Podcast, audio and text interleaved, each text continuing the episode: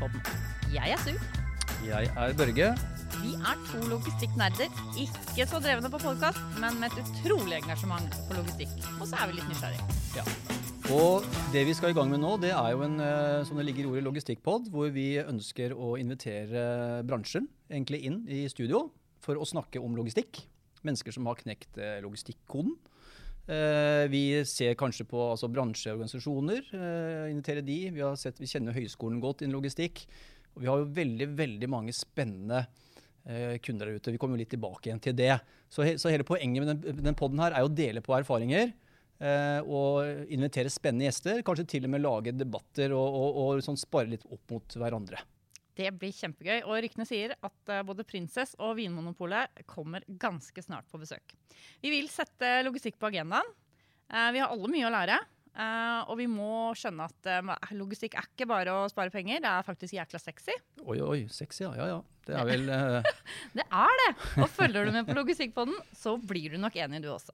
I denne første episoden skal vi få besøk av vår kollega salgssjef i LIS, Eirik Toft, som skal fortelle oss litt uh, om uh, siste nytt i logistikkverden. Hva er det som skjer? Hva er det moderne lageret i 2021? Uh, deretter skal vi få høre en smakebit av eh, et intervju vi skal ha med Tom Hamre fra Vinmonopolet. mm. Men jeg tenker jo det er jo litt naturlig å kanskje introdusere oss sjøl, sånn eh, kort eh, først. Ja, hvem er du, Børge? Utenom en glaget Skal jeg begynne? Ja. Nei, altså jeg er jo fra Hammerfest. Det er jeg jo stolt av. Det er jo en gutt med krutt, det, som kommer nordfra. Jeg har vært ute en vinterdag før. Det har vært storm der oppe i det siste. Altså jeg har jo jobba nå i LIS i vel åtte år, opptatt av, av, av logistikk selvfølgelig. Og eh, vår erfaring og kompetanse handler om alle de prosjektene vi har vært med, egentlig. Fra små bedrifter til store bedrifter som har vært gjennom endringer og sånt. Så, Mm. så, så det er liksom det vi kan. Eh, før det så har jeg jobba i eh, ja, jeg annet jobba i Bråten Safe, faktisk. Eh, det er ikke så mye med logistikk der, men eh, nå ser jeg jo til og med at han mister Bråten, min gamle sjef, er jo tilbake i manesjen, så det er litt kult. Han skal flyr ut og, og danne nytt, så vi får se om jeg ender opp i Bråtens igjen, eller flyr, da. Vi får se, men eh, det må jo bli noe innen logistikk, da, i hvert fall. Det må vi eh, satse på. Ja. Så Suda, hva, hvem er du, da? Du, jeg er en uh, Sivøk fra Indre Østfold, eh, som er eh, økonomi- og markedssjef i LIS. Eh, glødende engasjement for eh, økonomistyring har jeg hatt eh, lenge. eh, og nå er det jo mye riktig og god logistikk eh, som er fokus. Er ikke så veldig redd for å spørre eller å mene noe, og det er vel ikke du heller, Børge. Så det tror jeg kan gjøre at vi får en spennende podkast. Mm, absolutt, absolutt. Men nok om oss. Skal vi få inn vår kjære kollega? Kan ikke du beskrive han med fem ord? Oi, fem ord, ja. Skulle jo hatt en ordbok her, nesten. Eh, det er nok mange der ute også, tror jeg, som kjenner Eirik Toft, eh, som er vår salgssjef. Han eh, er jo en kar som har jobba med logistikk i, siden i midten av 80-tallet omtrent. Eh, han pleier vel sjøl å si til meg at han kan ikke så veldig mye, men logistikk det føler han at han er, er trygg på, da. Eirik, velkommen skal du være. Tusen takk. Hyggelig å være der. Og i det her er litt eh, for meg nye og moderne media. Som sagt, eh, vært i bransjen siden 1987. Så jeg bruker jo å si, helt riktig som du sier, Børge, jeg kan ikke så mye annet. Men eh, logistikk, fotball og hifi, det kan en del om. Men eh, ellers så er det tynt, altså. Så det er bra vi skal snakke om logistikk. Vi skal snakke om logistikk. Vi i LIS har jo utvikla oss også, um, og ikke minst det siste året, så vi er nødt til å utvikle oss. Sånn at vi er nødt til å finne nye medier og nye måter å uttrykke oss på. Og jeg har veldig tro på at vi sammen da, eh, ved å gjøre det her, kan eh, få fram et godt engasjement i logistikkbransjen totalt sett. Og at vi trenger også å være litt mer åpen. Og vi kan jo også si at vi har vel, jeg merker i hvert fall det at vi, bransjen snakker nok eh, mye tettere sammen nå enn før. Det handler nok litt om kommunikasjonsmåten å gjøre det på, men om det er de som på en måte selger logistikkløsninger, eller om de som selger eiendomsbygg eller bygger lager, eller om de som eh, produserer ting, så, så, så merker jeg at det er en helt annen, eh, annen jeg skal ikke si stemning, men det er en annen, helt, helt annen interesse. Men eh, Eirik, kan du si noe, eh, hva som skjer i logistikkbransjen da? Sånn generelt, er det noe Ja, hva kunden er opptatt av, f.eks. Ja, det er er jo ett ord som kommer meg da veldig fort i hånd, og det er korona. Ja, men Dessverre, vi bør ikke er- korona. Nå er vi så lei korona. Nå har vi hørt på nyhetene hele tida, så nå må vi snakke om noe annet enn korona. Vi er lei korona. Det jeg tror jeg alle sammen kan kjenne seg igjen på. Og Men vi har vel, netthandel er vi ikke lei, og det er en følge av korona. det er en følge av korona. Men tilbake til korona litt, grann, bare litt, og så er Ja, jeg ferdig med det. skal få lov, du skal få lov til det. Korona gjør at vi alle sammen, og det tror jeg vi kan kjenne oss igjen på, alle, alle sammen kjenner vi, kjenner vi oss litt sånn at vi har en liten sånn generell usikkerhet. Altså Det skjelver litt under beina våre i, i, det store og hele. Og det gjør det også på bedrifter. Selv om det går bra for bedriftene. altså Vi har jo, vi har jo bedrifter som aldri har gjort det bedre enn i 2020 og i starten av 2021. Mange er det. Og i matvarebransjen er det ekstreme eh, endringer. Det går oppover, og netthandlere gjør det kjempebra, og det er veldig mange. Men vi må huske også på at det er noen som sliter. Og det er jo en del butikker som må stenge, da. Mer eller mindre eh, mot sin vilje. Og, og, det gjør jo at vi må huske det at man sliter. Og hva gjør man da? Jo, man må reorganisere. Man må jobbe litt annerledes. Mm. Og det får vi gjester fremover som skal fortelle litt mer om. Så Det gleder jeg meg veldig å høre på. Og det er liksom bakteppet på liksom, hva er kundene opptatt av. Og, og som, som, de ofte har vært, da, og kanskje enda mer nå, kundene er opptatt av å, å, å drive et effektivt lager. Mm. Hva tenker du om bransjen om, sånn fem, om fem-ti år? Altså, nå er det jo korona, selvfølgelig, men, eh, men, la oss si den eh, forhåpentligvis eh, går over. Men hva, hva, har du noen tanker rundt det? Ja, det er ikke så lett å være en spåmann på det, men jeg vil jo si, og det ser vi allerede tegn som tyder på, at mindre firmaer er villige til å investere i smartere løsninger. Mm. Og det tvinger jo også oss som leverandør da, til bransjen å, å, å tenke, tenke, nytt. Lage rimelige, men smarte løsninger. Og jeg tror også at bærekraft og miljø er jo absolutt noe som heldigvis da, er kommet for å bli og, og bli utvikla mer. Så jeg, jeg, tror at vi kommer til å se veldig mye mer fokus på miljø og miljøvennlig pakking, leveringsmetoder, sånne ting. Mm. Netthandelen øh, vil jo fortsette å vokse. Eh, kanskje kombinert med sentralt eh, anliggende prøverom og sånne ting. altså at man kan, kan faktisk eh, lage hybridløsninger på, på netthandel. Mm. Hva tror du om eh, jeg tror du 3PL er løsningen? Liksom? Tror du, hva tror du om det markedet der? For det, jo, det jo, kan jo være enkelt for mange da, å sette bort logistikken. Eh, men hva tenker du om det? Eh, sette bort logistikken kan være smart for noen å gjøre, og det må vi være åpne på. Det er jo litt av det vi må diskutere i en, en sånn pod som det her. Pros and cons. For det meste her i livet er jo En medalje har jo ofte en bakside. Og sånn er det der òg. Den store eh, fordelen med, med 3PL-løsningen er jo at man får en stordriftfordel selv om man er en liten kunde. Men da er det også viktig at 3PL-leverandørene, og dette er et litt sånn hjertesukk til de, at de også må tørre å satse på smarte og gode løsninger, og ikke safe seg så mye. Men dette er jo et problem, fordi man vet jo ikke hvor lenge man har den kunden. ikke sant? Man kan være borte i morgen. Derfor så tror jeg det er viktig å jobbe langsiktig og tenke smarte løsninger, også for 3PL. De, det kommer de til å vinne på. Vi, vi, ser jo det at bransjen har jo lenge vært opptatt av altså Når vi snakker effektivisering av lager, så, så har det jo, altså det har jo jeg vet ikke hvor mange år, altså sikkert 30 år, så har det jo måte, vært måte, løsninger hvor man bringer måte, produktene fram til fram til plukkeren. ikke sant? Og vi kjenner løsninger som altså det er miniload-løsninger, og det er liksom autostore, og det er shuttle-løsninger og diverse. Men, men, eh, men, det må jo skje noe annet òg, tenker jeg, i forhold til eh, altså veien altså, Det er vel ikke bare der man må være effektiv, eh, Eirik?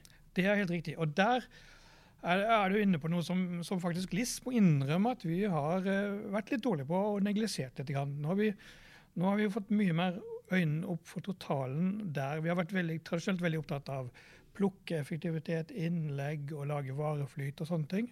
Nå må vi også tenke på at vi skal også pakke den varen. Og den skal sendes på en god måte videre utover. Så, så der har jo LIS nå eh, innleda et samarbeid med noe som heter Pakkorang. Og Det som er litt kult med Pakkorang, er at de har jo en da miljøvennlig flerbruksemballasje. Dvs. Si en emballasje som kan virke over opptil 500 runder. Så man får en pakke i en emballasje som man kan levere tilbake igjen og få igjen og igjen og gjenbruk. Nydelig miljøsperspektiv på det. Ja, for miljøet blir vel ja, Unnskyld, Lissu, hva sa du? Vi er litt ivrige her. Men uh, pakker man like fort med den, da? Det er litt avhengig av hvilken type um, varer du har, selvfølgelig. Mm.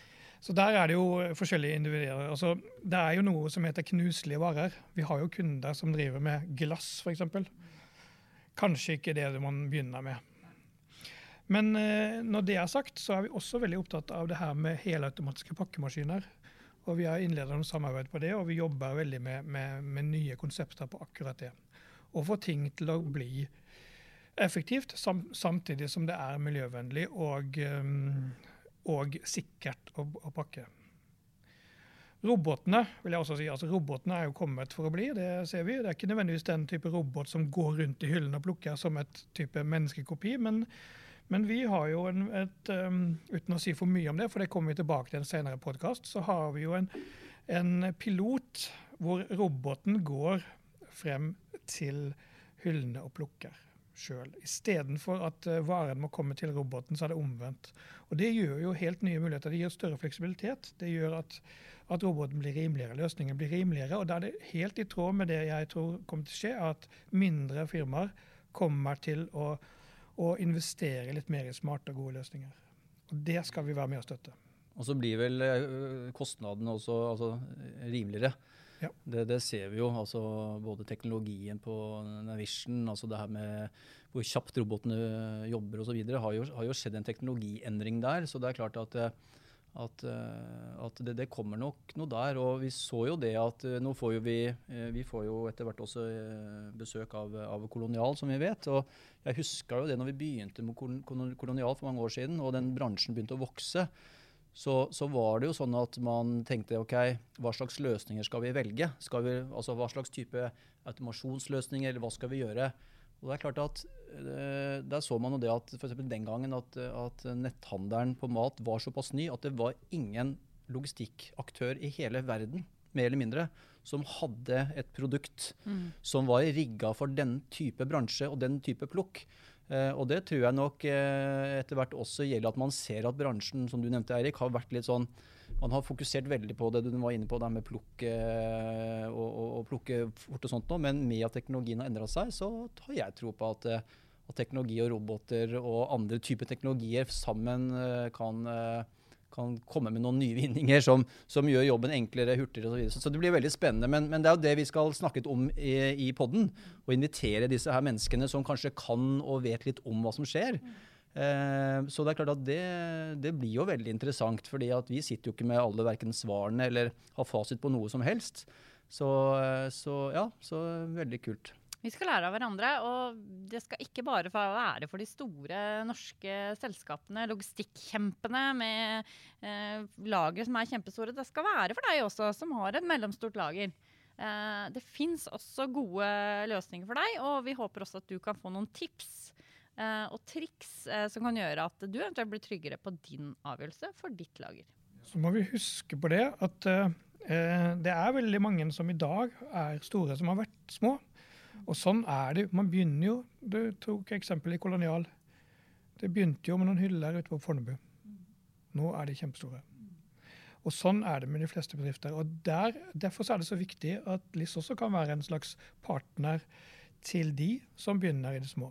Og, så, tror jeg, Eirik, eh, om du kan si litt om det, at eh, vi ser jo det, vi har jo hatt, eh, vi har også holdt litt webinarer, og vi har jo, hva skal jeg si, har jo en del blogg og artikler og sånt nå. og Når vi begynner å snakke om dette med masterdata, vi snakker om IT-løsninger, så ser vi nok, føler jeg i hvert fall, at, at skal, du, altså, skal, du, lykkes med effektivisering av laget ditt, nesten uavhengig av hvor stor du er, så, så, er dette her veldig viktige ting. Og vi kommer sikkert til å dra inn litt gjester rundt det òg. Men kan ikke du si litt om eh, liksom, dette med masterdata spesielt, eh, og, og, IT, liksom, hvor viktig det er for logistikken? Ja, masterdata er jo um, et, veldig viktig og kult ord. Stammedata blir kalt osv. Kjært barn har mange navn. Men kort fortalt så er jo masterdata produktet sin fysiske egenskaper. Altså ikke bare størrelse og vekt, men det er også pakningsenheter. Altså såkalte F-pakk, som står på forbrukerpakning. D-pakk, som er litt større pakninger. Og jeg håper jo at flere av de gjestene som kommer fremover, kommer inn på det her. Fordi masterdata er ikke bare noe som skjer på lageret. Det er noe som hele bedriften må være involvert i og ha et forhold til. Ikke minst salg og markedsføring. Det er jo veldig veldig dumt at man driver konsekvent og selger ni stykk av en artikkel hvor der pakningen er ti. Det er dumt, ikke bare med tanke på effektivitet på lager, der er det også, men det er dumt med tanke på svinn, brekkasje, ting og tang. Så det å, et, det å ha et, skikkelig godt forhold til masterdata er viktig. Og For en netthandler så er det ekstremt viktig at eh, masterdata gjennomsyrer hele verdikjeden. Altså det, vil si det er viktig at det, det kommer frem på nettsida hvordan forpakningen er, hvordan enheten er. Slik at ting, ting henger sammen gjennom hele bedriften. Ja, så vil vel masterdata ha påvirkning i forhold til altså, miljøaspektet. altså Blant annet der ser vi bare, som du nevnte, det er med forpakninger, hvor man skal sende dette her. og Vi ser jo mye som blir sendt i dag. Jeg sier jo selv hjemme, du, får, du, går på nettet og bestiller en eller annen en penn, og så får jeg en eske som på en måte kunne ha fylt 40 penner. Uh, og, og, Det er jo selvfølgelig flere grunner til det, men masterdata er også viktig i forhold til den biten. tenker jeg at uh, at man eh, liksom kan planlegge for eh, riktig forpakning eh, når det skal sendes eh, hjem til, til, til, privatpersoner, som igjen sparer plast og papp og alt dette her. Så, så jeg er helt enig Erik, at det er super, superviktig. Men hvis du sitter og hører på nå da, og har tatt over en bedrift som ikke har kontroll på masterdataen sin, hvor begynner du da? Nei, den, det, det, holder liksom ikke å bare sende en mail til leverandøren. Kan jeg få en Excel-liste?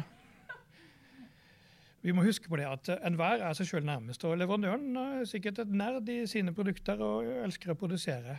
Men de har ikke det helt store for, forholdet til, til videre i, i, kjeden der. Så man er nødt til å ta skjea litt i egen hånd og, og, gå en runde med selvfølgelig leverandøren først, men etter hvert også på sitt eget lager og, og, og en runde der, slik at man har egen kontroll på det. Jeg kjenner mange kunder som har brukt store ressurser på å gå rundt og måle, veie eh, eh, produkter. De har brukt årsverk faktisk på akkurat det her, for å ha kontroll på det. I, i F.eks. i elektrobransjen så har du en eh, da har du nå sett en, en stakefjær hvor du trer kabler gjennom. Den er 25 meter lang, den, og den er 8 millimeter tjukk. Masterdateren på den er altså 25 meter lang, 8 millimeter tjukk. Skal den ligge der i en grenreol? Nei. Nei. Det vet til og med som ikke sånn er best på er det ikke, fordi den er i en, i en, uh, oppi en, en, eske. En liten firkanta eske som man ruller sammen i. Og Det er nemlig masterdata. Den masterdataen brukes jo ikke bare til, um, uh, til hvordan skal ligge på lageret, men den bruker også til hva lønner seg å plukke først og sist. Altså I matvarer, Du begynner jo ikke å plukke egg og legger hermetikken oppå. Sånn er det jo bare. Da er, noe, da er vi inne på noe som kalles krasjklasser. Og så er det jo en annen ting med masterdata. Den kan jo også brukes til å beregne frakt. Og Hvis vi da ser på netthandlere, hva er det som er viktig der? Jo, for kunden du må jo vite totale kostnaden. Da må de også vite fraktkostnaden. Ergo så brukes masterdata til å kalkulere hva den koster å frakte til Hammerfest, Børge. Eh, det er bra, Eirik. Masterdata er jo sagt, er jo kjempeviktig. Og så nevnte jeg også det her med, med, med IT-løsninger og si, lagerstyringssystemer. Det er jo ikke sånn at alle som har et fint og flott lager i dag, har roboter og droner, og alt går på skinner. De fleste lagerne i dag er jo bygd opp av småvareroler, pallroler, og man jobber litt på den gamle måten. Men der ser vi jo en dreining. Men eh, min, eh, hva skal vi si, min eh, påstand da, det er jo at veldig mange altså Man kan godt være effektiv med pallroller og småvareroler, men min påstand er at det er litt vanskelig å bli effektiv uten et lagerstyringssystem. Eh, og hva har du å si til det, mister Toft? Hva, hva har du å si til den påstanden? Hva har du til å si til den uh, jo, påstanden? Jo, det kan jeg si meg enig i, og litt uenig i. Fordi skal man inn med et lagerstyringssystem, uh, som vi da på godt norsk kaller VMS, Warehouse Management System, det er godt norsk ord, Um, så må man være beredt til å gjøre det. Og da må hele firmaet være beredt til å gjøre det. Dvs. Si at man må ha en såkalt datadisiplin i bunnen her, hvor man aksepterer de pros and consene, som på å bruke et annet norsk uttrykk, som det er å innføre et sånt system. Og um, Det betyr jo at de gevinstene man får, er jo at man får mye mer kontroll. Man kan også få systemet til å velge hvor de forskjellige produktene skal ligge. Hvis man har solgt én million kopper eh, til en kunde en gang i, i 2013, som et engangssalg, så skal ikke det nødvendigvis de koppene ligge helt fremst ved pakkebordet den dag i dag, i 2021.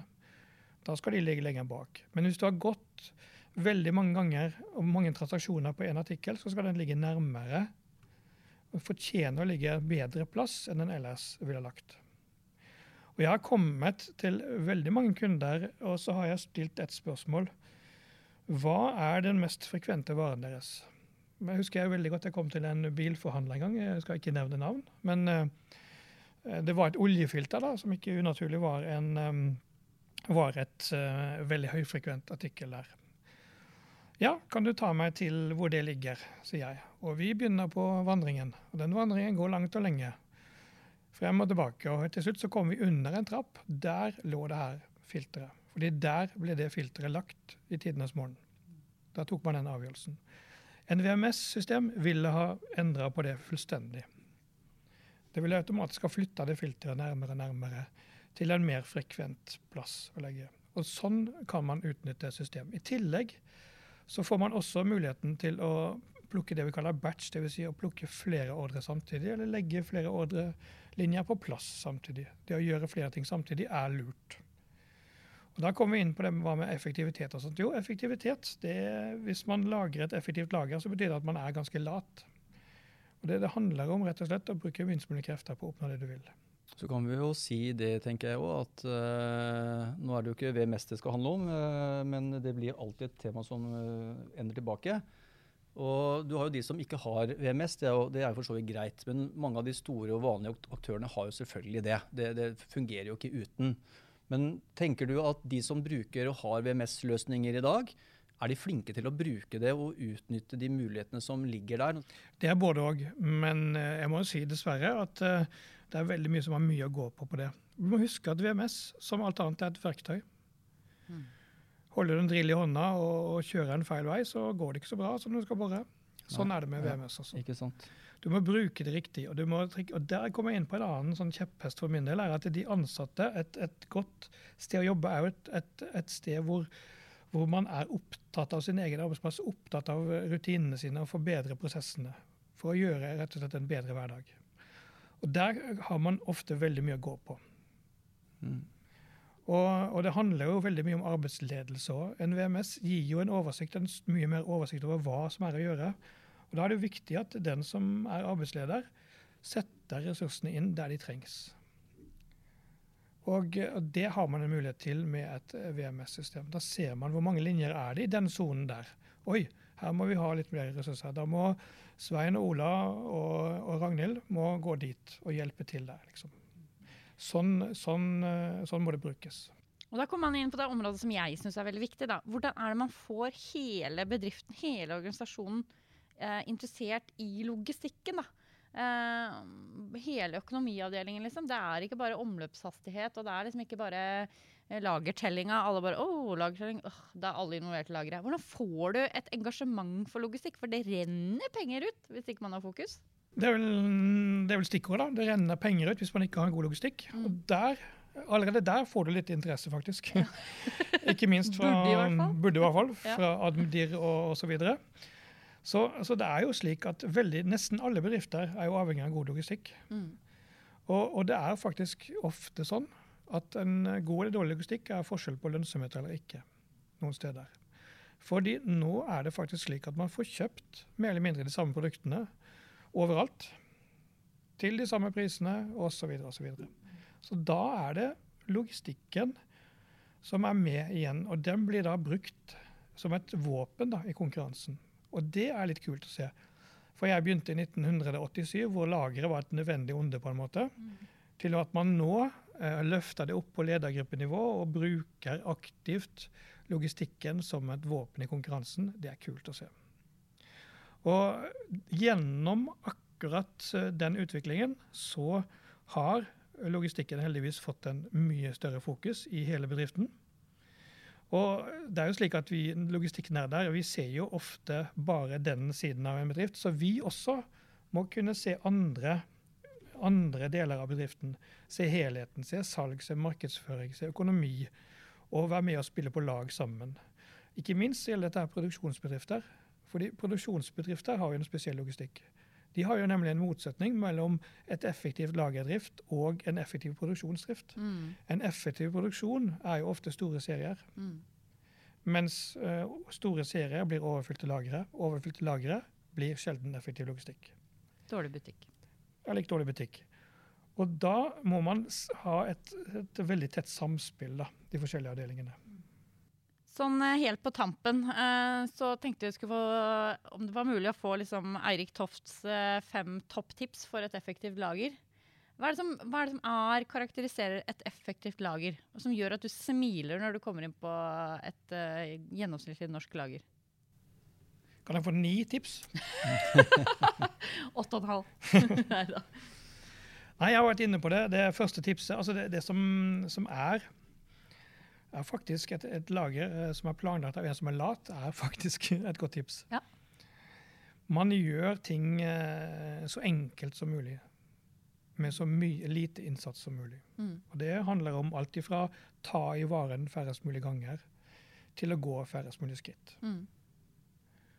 Og da gjør vi ofte det da, ved at vi planlegger soner. At man plukker en sone som er begrensa, i form av at det er der jeg jobber nå. Mm. Og så er det en annen sone hvor en kollega jobber osv.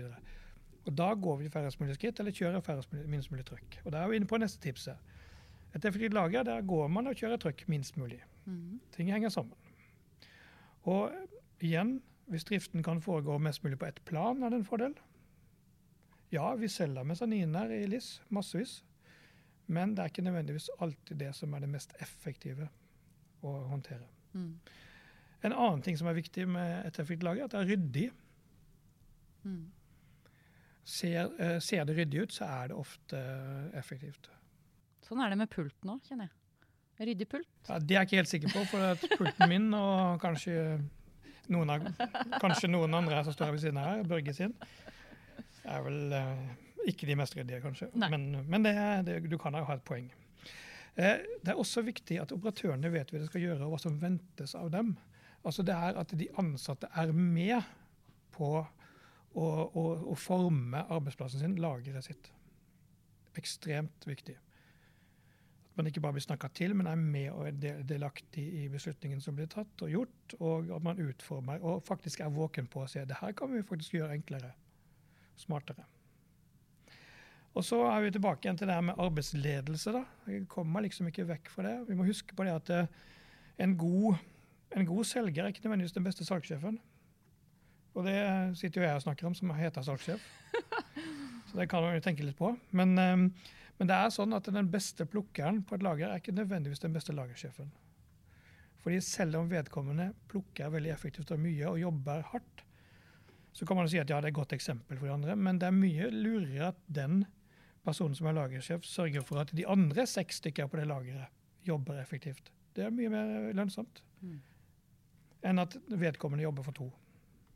Så enkelt er det. Og så er, kommer vi ikke utenom masterdata. Altså, man har god kontroll på masterdataen. Da kan man ha et effektivt lager. Og I tillegg så bør man ha god kontroll på vareflyten. Og det siste, da, den halve, da. Ja, ja.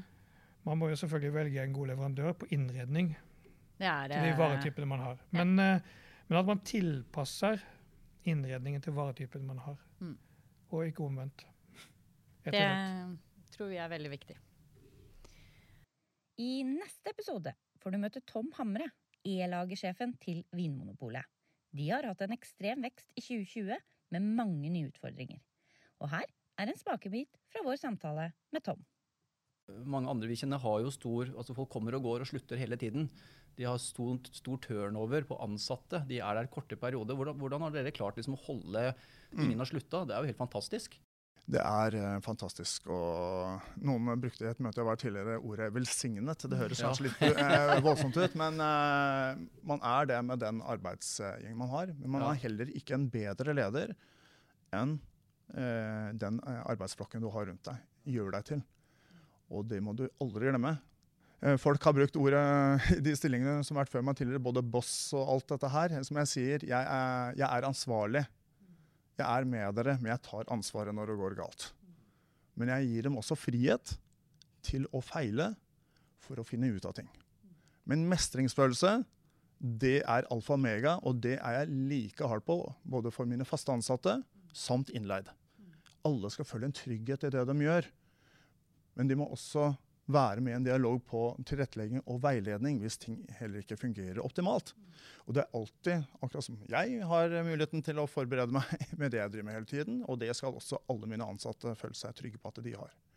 Så åpen dialog om hva hver enkelts behov er for å få til en best mulig jobb, den må aldri slutte. Aldri. Ikke så lenge jeg er leder her, i hvert fall.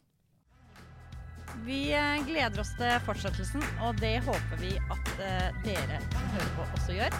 For å få med dere hoveddelen og hele samtalen med Tom Hamre fra Vinmonopolet, må du huske å abonnere på podkasten, slik at du får varsel om neste episode. Og liker du det du hører, så gi oss gjerne fem stjerner. Hvis du har spørsmål, tilbakemeldinger, temaer du ønsker vi skulle ta opp, eller bare ønsker å komme i kontakt med oss, kan du sende en mail til logistikkpodden atlist.no, eller hashtag logistikkpodden i alle sosiale medier. Takk for at du hørte på.